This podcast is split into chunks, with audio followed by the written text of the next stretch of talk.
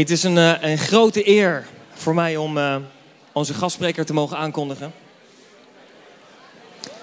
En het is echt een, eh, een lange tijd dat ik daarnaar heb uitgekeken, maar vandaag is mijn broer hier zo. En ehm, voordat hij naar voren komt, ja, wil ik hem toch ook vanaf deze plek eren. Daaf, ik ben ontzettend trots op je. Echt waar. Wat jij doet in het leven en hoe jij gaat voor God, dat raakt mijn hart. En dan moet ik niet gaan huilen natuurlijk hier, dat is natuurlijk niet de bedoeling. Maar. Maar. ik weet nog dat wij. ehm, ik ben heel trots om te kunnen zeggen dat ik heb in het allereerste bestuur van zijn stichting gezeten. We hebben samen handtekeningen gezet. Maar als je kijkt hoe God David gebruikt heeft door de jaren heen. En ik weet ook dat hij soms moeilijke tijden heeft gehad. Maar weet je, als er één is die niet ophoudt, die niet stopt. Weet je, om, om God te volgen en te luisteren naar Hem. En alles, werkelijk alles op te geven voor Jezus. Dan is het David. Ik wil je vragen om gewoon echt een heel hard City Life Church applaus te geven voor David de Vos. Come on.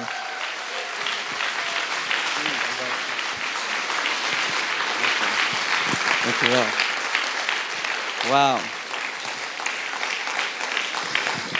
Ja, ik denk dat ik nog nooit zo'n warm welkom heb gehad, Daan. dus uh, dankjewel. Uh, van mijn hart, ik ben natuurlijk ook echt super trots. Daniel is mijn oudere broer. En uh, ik kan me voorstellen dat ik had geen betere oudere broer kunnen wensen. En dat is echt zo, ja. Maar ik kan me ook voorstellen dat je geen betere voorganger kan wensen als Daniel en Wendy. Ja? Zullen ze een applaus geven? En ze, ja, fantastisch. Ik ben niet alleen gekomen, want Joyce is er ook bij. Die hoort bij mij. Joyce, lieverd, misschien kan je even gaan staan. Ja. Super blij dat ze mee is gekomen. En ook mijn kids zijn er. Dat zijn kleine Davidjes. Als je die rondziet, dan herken je waarschijnlijk meteen. Um, het is echt een eer voor mij om hier te mogen zijn. En vanuit mijn hart te mogen delen. Dat is ook wat ik ga doen. En uh, voordat ik ga doen, wil ik heel graag gewoon een gebed bidden. En God zegen vragen over, over het woord. Lieve Vader in hemel, dank u wel dat we met uh, zoveel bij elkaar zijn vanmorgen hier in uh, het WTC in Rotterdam. Vader, gewoon in het centrum, in het hart van de stad. Heere God, waar we elke zondag uw hart mogen raken, omdat we bij elkaar komen rondom één naam, de naam van Jezus. Het is heerlijk heel met elkaar op te trekken, maar het is nog gaver om achter u aan te gaan. En elke keer weer bepaald te worden bij het feit, Heer, dat er zonder u geen leven is, geen doel, geen bestemming. Het is mijn gebed, Vader, dat een ieder die hier is vanmorgen, Heer, die u misschien niet kent of een beetje kent of van gehoord heeft, Heer, dat hij diep in zijn hart geraakt zal worden. Als we het hebben over u, als we kijken naar hoe u het bedoeld heeft. Heer, dank u wel dat we met elkaar een fantastische tijd zullen beleven in de wonderbare naam van Jezus Christus. Amen. Amen. Amen. Um, nou ja, ik ben David de Vos. Ik ben um, 32 jaar oud. Uh, inmiddels alweer. De tijd gaat zo onwijs hard. Ik ben nog steeds een beetje jonger dan jij, daar. um, en ik ben getrouwd met Joyce, ook alweer 13 jaar. En um, wij hebben twee fantastische kindjes. In het dagelijks leven is dit wat ik doe, spreken. Uh, dat doe ik veel in Nederland. Uh, kleine en grote groepen. Maar ook met name uh, vooral de, de, enorme meetings, de campagnes. Ook in Afrika. As We Speak is onze campagnecoördinator nu in Burkina Faso. Spreekt daar en letterlijk de, de, de megakerken. Alle kerken zijn aan het voorbereiden voor onze komst in december. We hebben een hele grote openluchtcampagne. Er komen heel veel mensen. Geloven dat God machtig zal bewegen. En het mooie is dat al de kerken hebben, um, zeg maar, verschillende denominaties hebben besloten om een landelijke week van bidden en vasten en verootmoediging uit te roepen voor die week dat wij daar komen. Dus ze geloven in wat God gaat doen. Ze zijn onze partners in, uh, in ook weer het opvangen van alle mensen die tot geloof komen. Dat is een beetje van wat we doen. Mocht je wat ik nou te vertellen heb leuk vinden, je zegt daar wil ik meer over weten, dan kun je daar vinden op goandtell.nl. Maar ik heb ook een heel aantal boeken geschreven. Uh, en die zijn buiten in de foyer. Uh, Menno is mee. Menno is ook een hele goede lieve vriend. Menno, waar zit je? Heb je helemaal achterin verstopt, maar die gaat je helpen om uh, die boekjes te kunnen kopen. Um, je kan hem betalen met machtigingen, mocht je geen geld bij je hebben. En ja, dit is even voor de foto.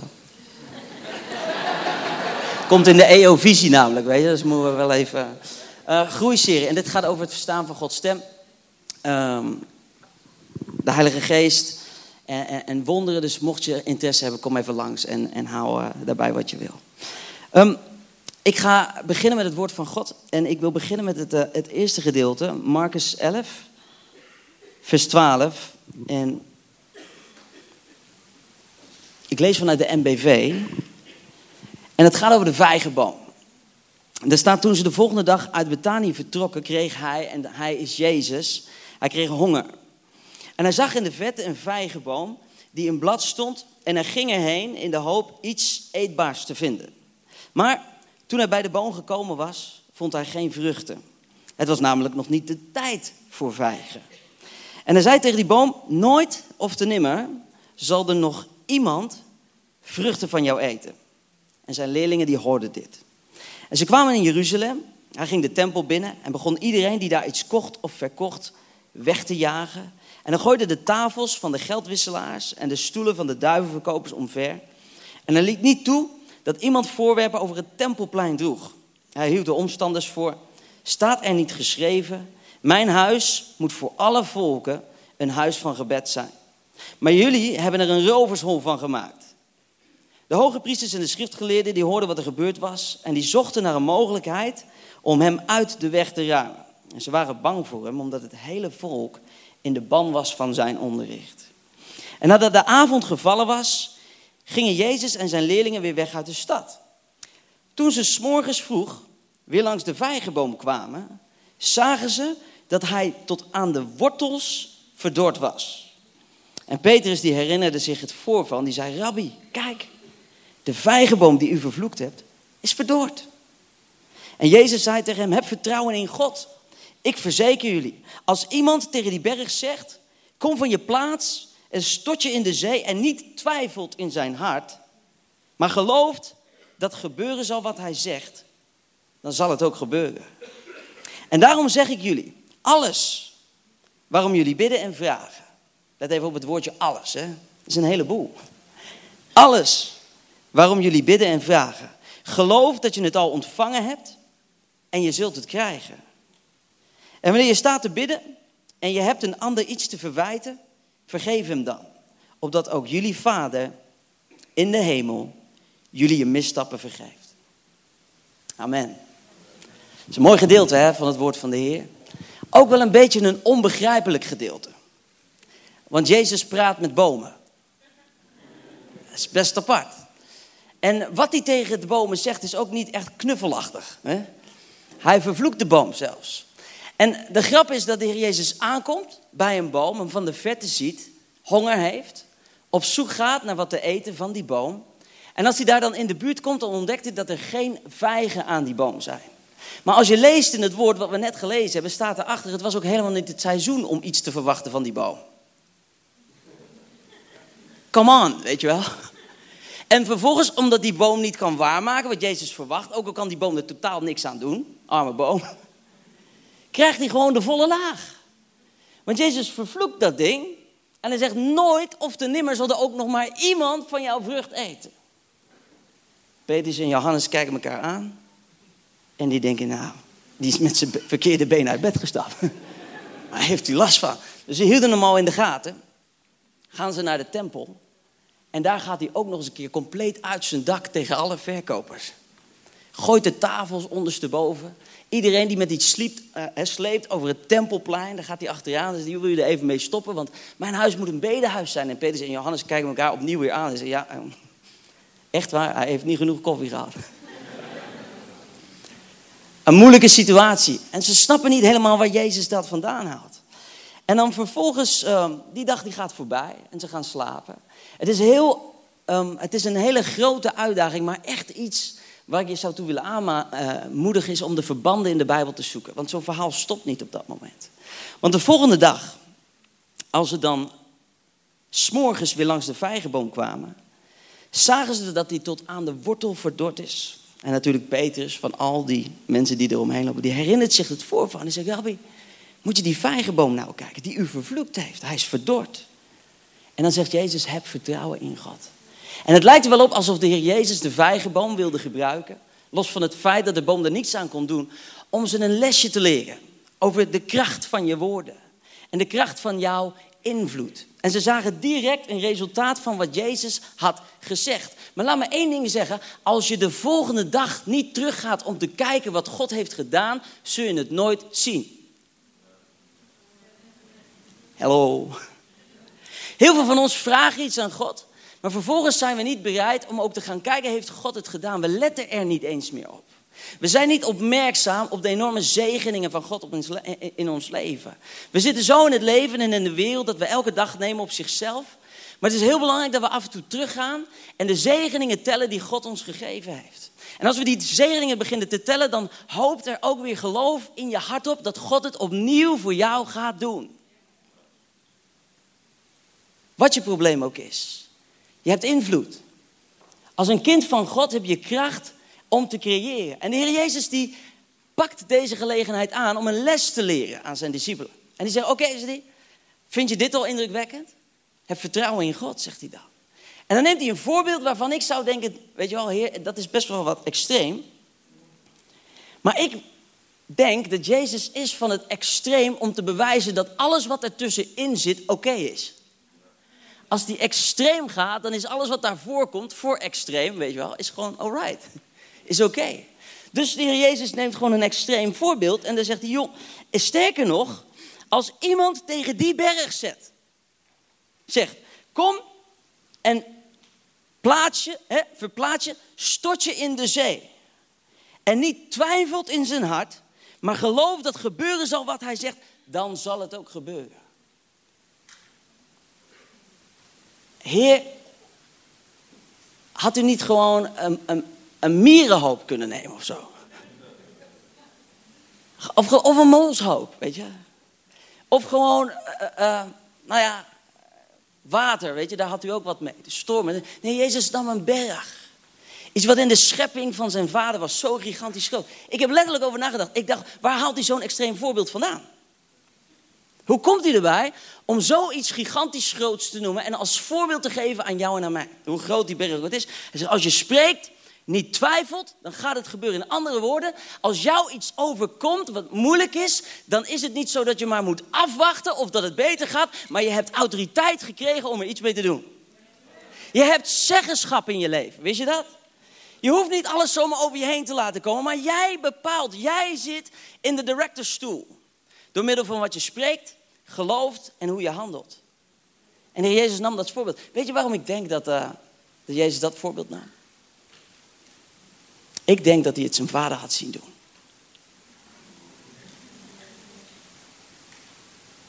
Toen hij de wereld schiep. Daar keek hij naar. Hij zag hoe zijn vader de bergen formeerde. Die doen we toch maar een beetje meer naar links, zei hij. Die staat op een wat awkward plek, weet je wel. Die dumpen we even in de zee. En zo ontstond er een taluut, weet je, of een plateau onder water. Ik ben visser, dan weet je wat dat is. Dat zijn bergjes en dingen, maar goed. Jezus stond erbij en kijken. Hij, hij, hij keek ernaar. Hij had gezien wat zijn vader deed. Ik zal je laten zien vanuit het woord van God hoe dat is gegaan. Hebreeën 11 vers 3 zegt namelijk het volgende. Door geloof komen we tot het inzicht dat de wereld door het woord van God geordend is. Dat dus het zichtbare is ontstaan uit het niet zichtbare. In het Engels staat er God framed the world with his word. In de New King James. Dus God formeerde de wereld door de kracht van zijn woord. U bent het ermee eens dat God de wereld schiep met zijn woord, ja toch? Dus hij gebruikte woorden om dingen naar voren te roepen die er niet zijn. En Romeinen die vertelt erover. Call things out that be not as though they are. Roep de dingen ten aanzijn die er nog niet zo zijn, maar je doet alsof je er al bent. Dat is toch wel een beetje gek. Weet je, toen ik 16 jaar was en niemand nog nooit van David de Vos had gehoord, toen had ik het vermoeden dat God me riep om een evangelist te zijn. En toen heb ik geen visitekaartjes laten drukken bij vistaprint.nl. Gratis, weet je wel, met evangelist David de Vos. Nee, kom je juist niet aan. Maar ik zei in mijn binnenkamer tegen de vader, ik zei, vader, als u mij geroepen heeft als evangelist, dan leef ik alsof ik dat al ben. Halleluja. En overal waar ik kom, komen mensen tot geloof. En wat gebeurt er dan? Dan ontstaat er een plaatje in je hart met het doel wat God je geeft. Je bent als mens in staat om te zien wat anderen niet zien. Wist je dat? Dat is ook wel eens frustrerend als anderen niet zien wat jij ziet. Heb je dat ook wel eens meegemaakt? Waarom zie je nou niet wat ik zie? Waarom snap je nou niet wat ik zie?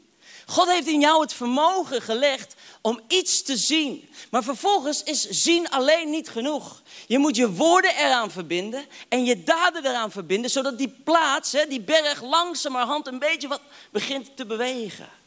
Ik ben er zo van overtuigd dat de kerk van Jezus Christus geen kerk moet zijn waarin we afwachten en hopen dat, we, dat het beter gaat. Maar jij en ik, wij moeten onze invloed gebruiken. We moeten het zien. En als ik denk aan CLC Rotterdam, dan denk ik, je moet voor je zien wat deze gemeente gaat doen. Je moet zien hoe groot je worden gaat. Je moet zien welke equipment je nodig hebt om nog zoveel meer mensen te bereiken. Je moet het gebouw zien waarin je naartoe zou willen gaan. Je moet het zien. En als je het ziet, begin je erover te spreken. En dan kom je mensen tegen die zeggen tegen je, doe maar normaal, dan doe je al gek genoeg, ken je die? Mensen met de gave van ontmoediging, ben je die al tegengekomen? Die tegen je zeggen van ja, is dat, dat is wel mooi, maar willen we dat niet allemaal? Hè? Oh, ik heb ze zoveel over me heen gehad.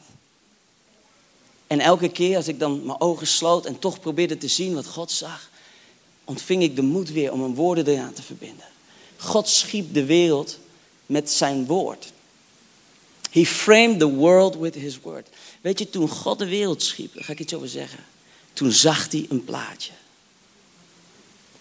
En dat plaatje gebruikte hij om zijn woorden aan te verbinden en met zijn woorden gaf hij scheppende kracht.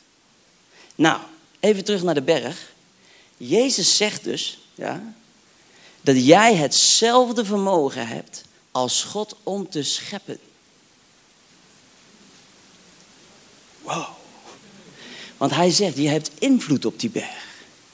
Ik zou kunnen zeggen, en dat is een hele spannende, maar het lijkt erop dat God de wereld schiep met zijn geloof. Zijn woorden, zijn geloof en het resultaat was er. Dus het vermogen waarvan God zegt, David, als je spreekt heb je invloed op de boom, als je spreekt heb je invloed op de berg. Wij zijn naar zijn beeldenis gemaakt. We hebben invloed. Ik ga een hele scherpe opmerking maken. Ik bedoel hem niet verkeerd, maar ik, ik meen hem wel. De wereld waarin jij leeft vandaag is het gevolg van jouw woorden en daden. If you don't like your world, change it. Hoe? Door middel van het plaatje wat God je laat zien. Want diep in je hart zie je iets waarvan je zegt, daar wil ik heen. En God die daagt je uit vandaag. En die zegt, hé, hey, ik wil dat je je woorden gaat verbinden aan de richting die je gaat. En dat je je daden eraan verbindt. Zo heeft God de wereld gemaakt. En zo zegt hij, dit plaatje, dit beeld, ik geef jou die invloed om invloed te hebben op jouw omgeving. Om invloed te hebben op de mensen om je heen. Met de manier waarop je je gedraagt. Maar hou voor ogen. Het is mijn gebed dat er vandaag iets gebeurt in je hart. Dat je iets ziet waarvan je zegt, ik bijt me erin vast, ik ben vastberaden, ik laat niet meer los. Totdat ik zeker weet, God gaat het doen. En ik zal je eerlijk zeggen, ik vind het soms best wel echt wel moeilijk, omdat God me soms zulke grote dingen laat zien waarvan ik echt denk, heer, maar dat, dat kan helemaal niet. Als je dat herkent, zit je op het goede spoor. Want God is de God van het onmogelijke. Er zijn mensen die plannen altijd in het mogelijke. Ik niet. Ik plan eigenlijk altijd onmogelijk. En waar je dan tegenaan loopt, ja, is soms een heleboel uitdagingen. En dan zeggen mensen letterlijk, jongen, dat jij nog kan slapen s'avonds. En dan zeg ik ook wel eens, ja, dat vind ik ook wel spannend. Maar ik heb zoveel getuigenissen van hoe God werkt in mijn leven. Laat ik het zo schetsen voor je. Kijk, dit is de safe zone, weet je wel. Heel berekenend. Hier heb ik alles uitgedokterd. En, en zeg maar, aan die andere kant is, is de niet zo safe zone. En hier kan het eigenlijk helemaal niet. Het is heel oncomfortabel om te staan. Ik noem dit de miracle zone. En de miracle zone die wordt alleen geactiveerd door iemand die gek genoeg is om woorden en daden te gebruiken in lijn met wat hij verwacht. Dat is hier. Hè? Nou, een heleboel mensen die hier leven, die mopperen en die zeggen: Ik maak ook nooit wat mee. Nou, en dan hoor ik van die getuigenissen, weet je wel, dat God wonderen doet en uh, dat hij ineens voorziet. En dan, uh, maar ja, dat heb ik nou nooit. Nou, I guess why. waarom niet? Nou, omdat je jezelf helemaal vol hebt gebouwd met allemaal zekerheden. En God die kijkt over je schouder mee en die zegt, heb je nog iets onmogelijks? Weet je wel, dat is, dat is mijn job. Heb je nog iets waar je mij voor nodig hebt? Of heb je alles zo goed ingepland dat je het gewoon kunt halen? Planning, en het is allemaal oké. Maar als je echt in het bovennatuurlijke wil functioneren, naar de bergen en zo, dat soort dingen, dan moet je naar deze zone toe gaan. En dat is een absolute oncomfortabele zone. Maar je wordt hier naartoe getrokken omdat je een plaatje ziet. En dat plaatje vertelt je dat er meer is. Ik ga je een heel leuk voorbeeldje geven. Joyce en ik zijn uh, al super uh, lang heel gelukkig getrouwd. En uh, Daniel die weet, eh, sinds dat ik gewoon een jonge gast ben, hou ik onwijs van vissen. Dat is ook mijn manco, daar moet ik niet te veel over praten. Um, maar het is mijn grote droom om op een dag aan het water te wonen. Nou, kijk. In deze zone is dat absolutely not done. Want, ik zal je uitleggen waarom. Ik ben een evangelist en ik leef van het evangelie. Dus als ik aan een mooi huis aan het water zou wonen, zou iedereen zeggen: waar doet hij dat toch van? Hoe, hoe kan dat? Zijn dat soms mijn euro's die naar Afrika hadden moeten gaan en zitten die in dat huis, weet je wel? Dit is de safe zone. Kan ik niet maken, is onmogelijk. Maar ik, zie wel, ik zag wel het plaatje, zeg maar. Ik zag, zo, hier weet je wel. Ik, ik zag het plaatje. En ik wist niet precies hoe het eruit zag. Meer dan een jaar geleden zeiden Joyce en ik tegen elkaar... Weet je wat, ehm, we voelden het in ons hart, was oké. een rijtjeshuis in Zeewolde om ons huis te koop te zetten. En uh, het enige wat ik heel graag wilde was een soort studeerkamer in huis. Zodat ik ook echt... Kijk, als je begint met een organisatie dan werk je heel veel in huis. Je ziet aan mij, ik ben wat bewegelijk. Dus ik loop dan van boven naar beneden met de telefoon en zo. En dan zegt Joyce op een gegeven moment, ga eens buitenshuis werken. Nou, hebben we gedaan. Eenmaal buitenshuis word ik zoveel door de collega's aangesproken... dat ik weer terug naar de rust moet om ook nog een preek te kunnen maken. Dus ik wil eigenlijk weer terug. Dus dat was mijn verlangen. En ik dacht, dat water, weet je, dat is nog veel te ver weg. That's like the real big miracle. Vervolgens... Uh, zit ik toch natuurlijk stiekem wel een beetje op Funda te koekeloren. Naar de huizen die aan het water staan. En op een gegeven moment valt mijn oog op een huis waarvan ik dacht, veel te duur, maar best wel leuk. En ik laat het aan Joyce zien. Ik zei, lieverd, ik zeg, moet je kijken, zo en zo, dit en dat. Weet je wat ze zegt? Ik vind helemaal niet mooi. ik wil daar helemaal niet wonen, weet je wel. Ik zeg, nou ja, goed. Uh, ik zeg, we, kunnen toch een keertje kijken. Zegt ze, ja, maar we kunnen het ook niet betalen. Ik zeg, ja, dat klopt. Ik zeg, ja, maar ik zeg, zie je deze neus? Dus zij zegt, uh, wat? Ik zeg, die hebben wel vaker dingen gezien die niet konden, maar toch wel konden of zo. Uiteindelijk. Ja, zegt ze, nou weet je wat, als het jou een plezier doet, gaan we samen kijken. Ik zeg, maak jij even een afspraakje bij de makelaar. Zijn afspraak maken. Lukte niet. Die makelaar wilde ons er niet in laten. Gingen twee weken overheen. Komt ze terug, zegt ze, luister daar, zegt ze. Ik krijg hem niet te pakken en ik heb ook geen zin om het te doen. Ze zegt, ehm, dus laten we het maar niet doen. Toen zei ik, ik zeg lieverd, ik zeg soms ligt de grootste zegen op de weg van de meeste weerstand. Als een tip, hè? Soms heb je tegenstand en dat is de vijand. Weet je wel, jij kent hem meteen. Weet je wel, loser. Weet je wel, dat je denkt, oh. En dan, dan is het wijs om andere dingen te doen. Maar soms probeert hij je tegen te houden. Omdat de zegen. Kijk, de, groot, de grote zegeningen voor het volk van Israël lagen achter de muren van Jericho. Muren van angst, schaamte, reuzen, weet je wel. Ik bedoel, allemaal ellende. Onderweg naar het goede kom je altijd obstakels tegen. Nou, long story short, uiteindelijk maken wij een afspraak met die makelaar. Komen aan bij de deur. Het is niet een mega groot huis, maar het plekje is vooral bijzonder. Hij doet de sleutel in het slot en hij kijkt mij aan. Hij draait de sleutel om. Hij zegt, dat is nou ook toevallig, zegt hij. Dus ik uh, zeg, wat? Hij zegt, dat u juist nu komt kijken. Ik zeg, ja, inderdaad. Nee, hij zegt, u snapt het niet, zegt hij. Hij zegt, de eigenaar van deze woning is een Amerikaan. Hij zegt, dit was zijn vakantiewoning. Hij zegt, hij is net te komen overlijden. Hij zegt, nu net, ik, hoor het net. Hij zegt, en dat betekent dat het naar zijn kinderen gaat. Hij zegt, dat betekent dat het een heel andere situatie wordt. Hij zegt, wellicht dat u het voor heel veel minder geld zou kunnen kopen. Ja. Wij naar binnen. Staan in de woonkamer. En op dat moment trekt er iemand aan mijn jasje. Die zegt, Taaf, hier wil ik wonen. Dus de kabbeling van het water aan de muur enzovoort. Nou echt, we stonden buiten en we dachten, oh wauw, heer, dit is, als, als u dit zou kunnen doen voor ons. Maar het was te duur, dus het was onmogelijk. Ik heb een vriend, die is makelaar, die belde ik op. Ik zeg, joh, ik zeg, wat denk jij? Hij zei, nou, hij zegt, gewoon proberen, gewoon voor gaan. Echt een belachelijk laag bod neerleggen, zei hij. Ja, ja. Long story short, dat deden wij.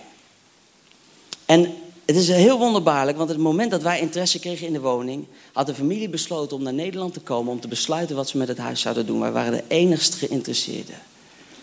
En um, de makelaar was een beetje een moeilijke man. Een lieve kerel hoor, maar och man. Doet zich niet aan zijn afspraken, weet je wel, echt een beetje.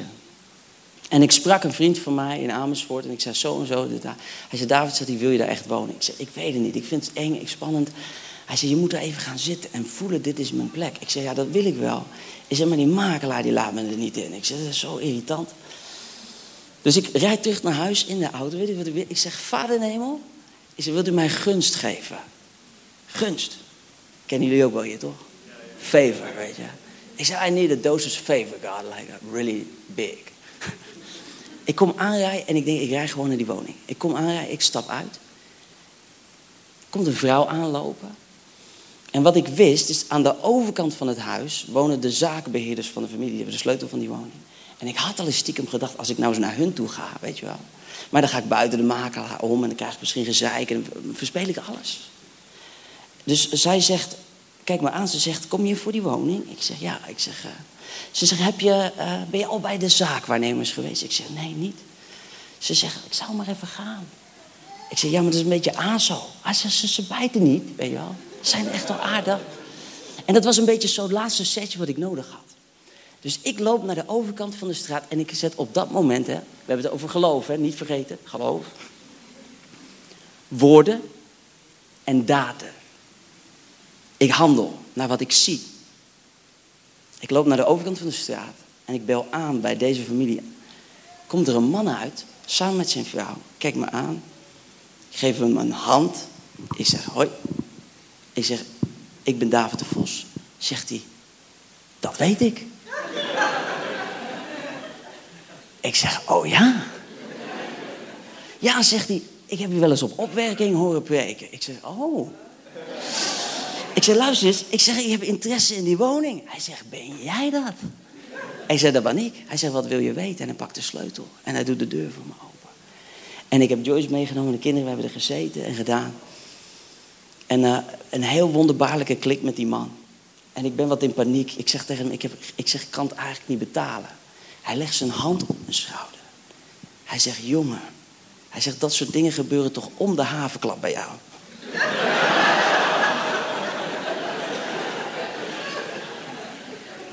Ik zeg, ja, dat is waar. Hij zegt, dus ontspan nou maar, zegt hij, want als God het je geven wil, dan zul je het krijgen. Als het van jou is, is het van jou. Die Amerikanen die kwamen, we in het huis gezeten.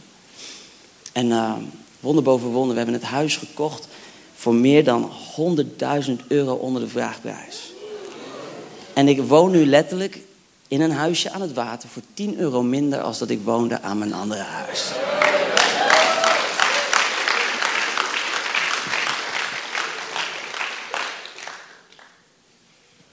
Ik bedoel, hier was het niet mogelijk.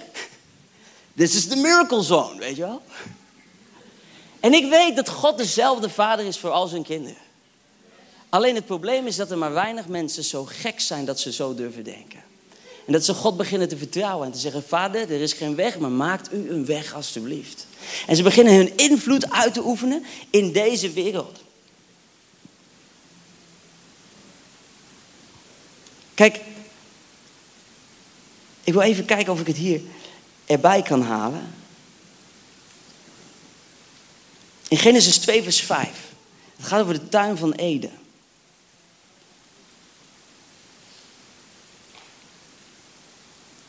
Dan, dan staat er, en, en ik, ik vind het persoonlijk echt heel inspirerend. Er staat er, er groeide op aarde nog geen enkel struikgewas.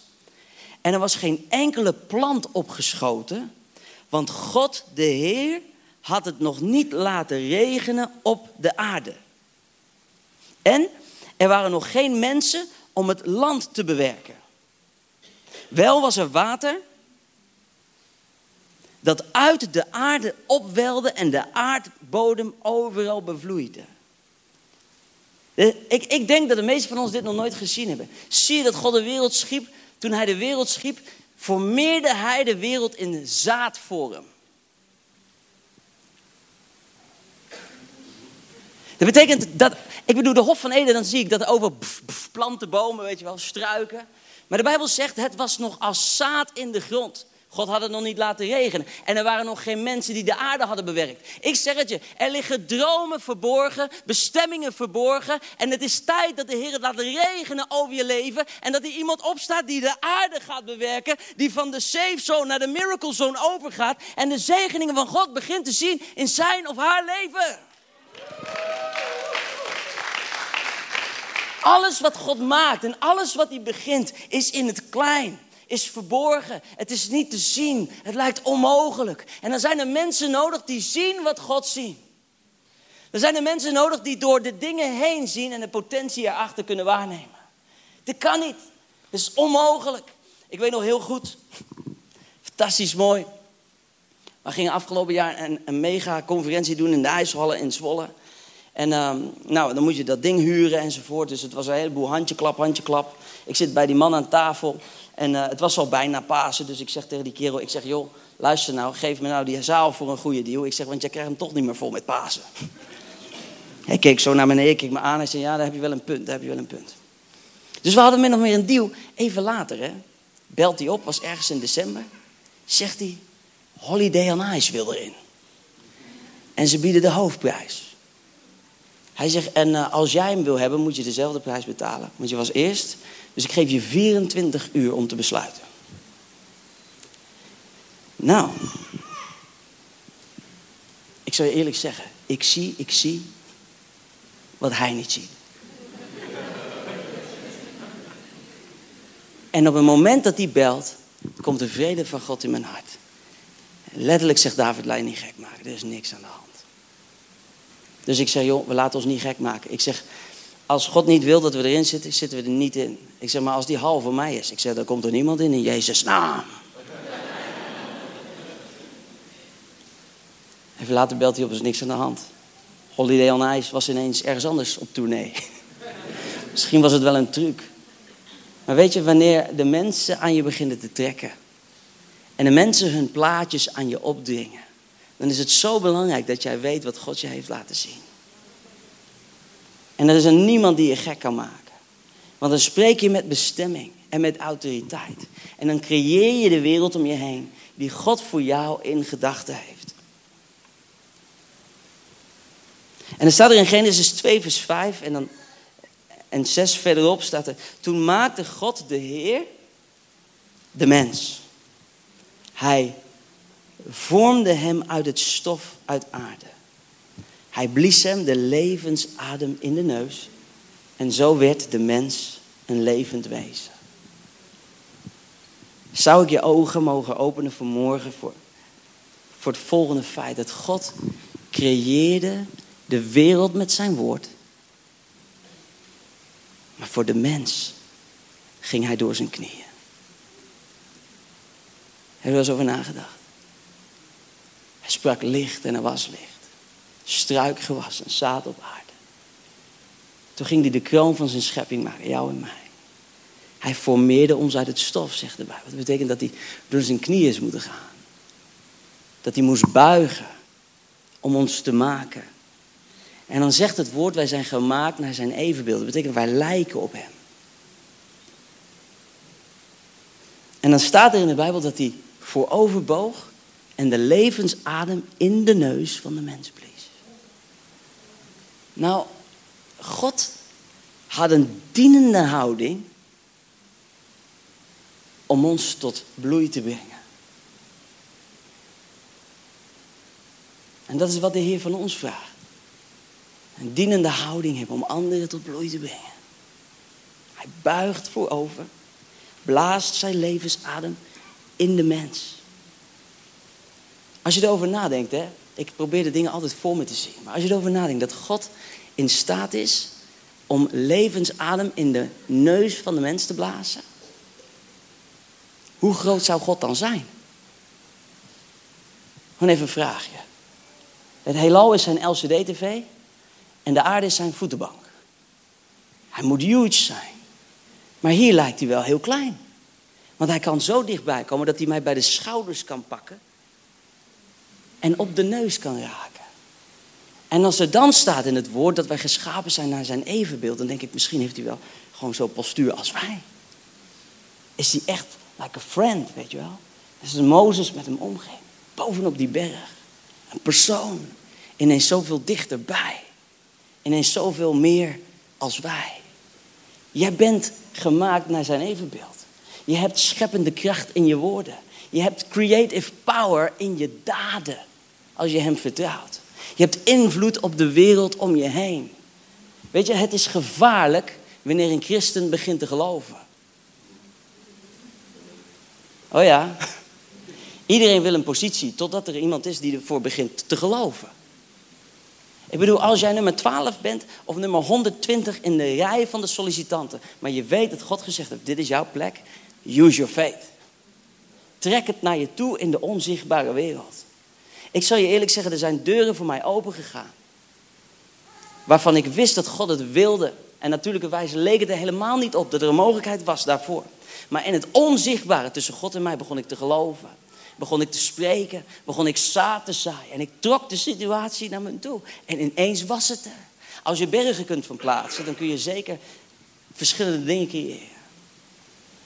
Als we erover nadenken dat God de mens zoveel aandacht en eer gaf, hè, dat hij door de knieën ging om ons te raken. En dan het scheppingsverhaal neemt en, en de wetenschap dat eigenlijk het daarna allemaal is verspild. Zondeval. Heel veel moeilijke dingen. Ik was laatst, en dit moet je een beetje voor je houden, en dat is lastig. Als al je preken worden opgenomen en in de podcast straks worden uitgezonden. Maar ik was laatst in een, in een, in een kerkdienst uh, te gast en uh, fantastisch mooie, lieve mensen. En mijn zoontje die had een, uh, die had een soort optreden, dus daar, daarom was ik daar. En dat had te maken met zijn school. Dus alle ouders uit de klas die waren en verschillende klassen. Dus de kerk zat ramvol met mensen die niet in Jezus geloven. En die komen omdat ze hun kinderen willen zien. En, en, en het thema, weet je wat het thema was? Het thema was de tien geboden. Hou je aan de regels, want anders gaat het verkeerd.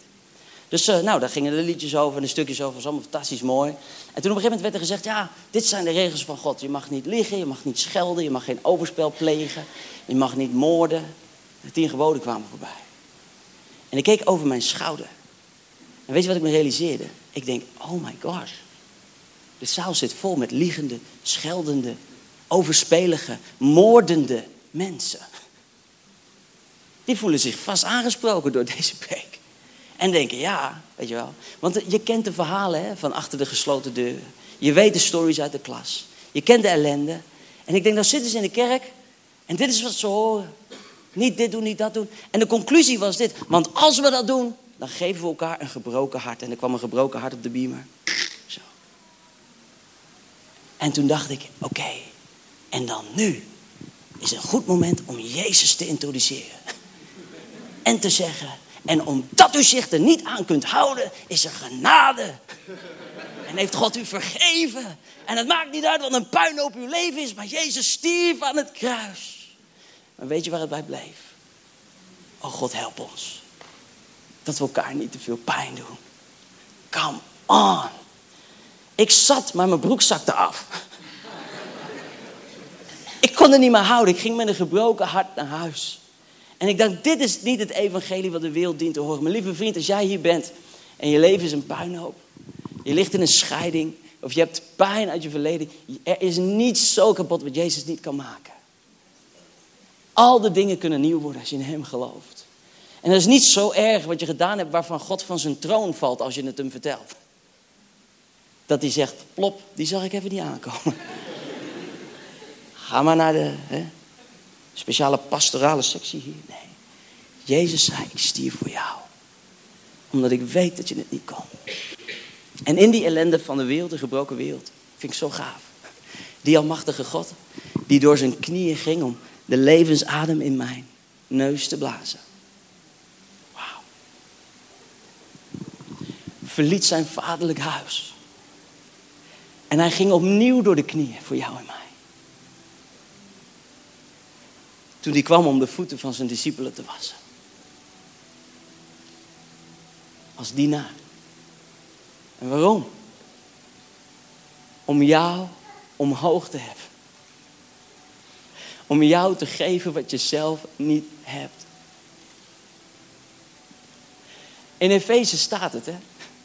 Wij zijn in Christus met hem gezeten in de hemelse gewesten. Aan hem gelijk gemaakt. Weet je, heb je enig idee wat dat betekent? dan zeggen mensen, ja, maar je mag je niet vergelijken met Jezus. Ik bedoel, dude, weet je wel? Nee, nee, nee. In hem ben ik als hem. 1 Johannes zegt dat zolang wij in deze wereld zijn, zijn wij als Jezus.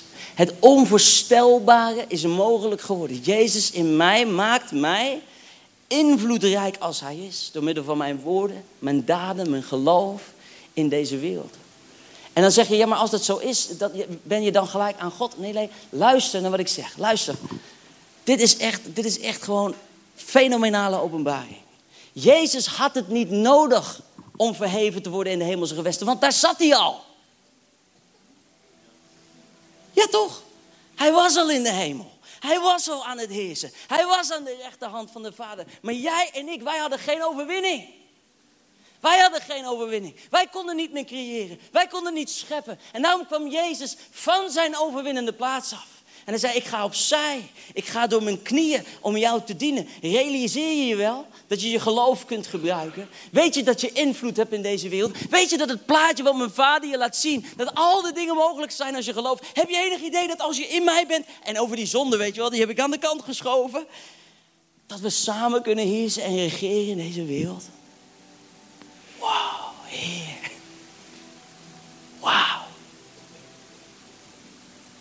En dat is alles wat ik wil zeggen vandaag. Zijn jullie nog een beetje blij? Oh,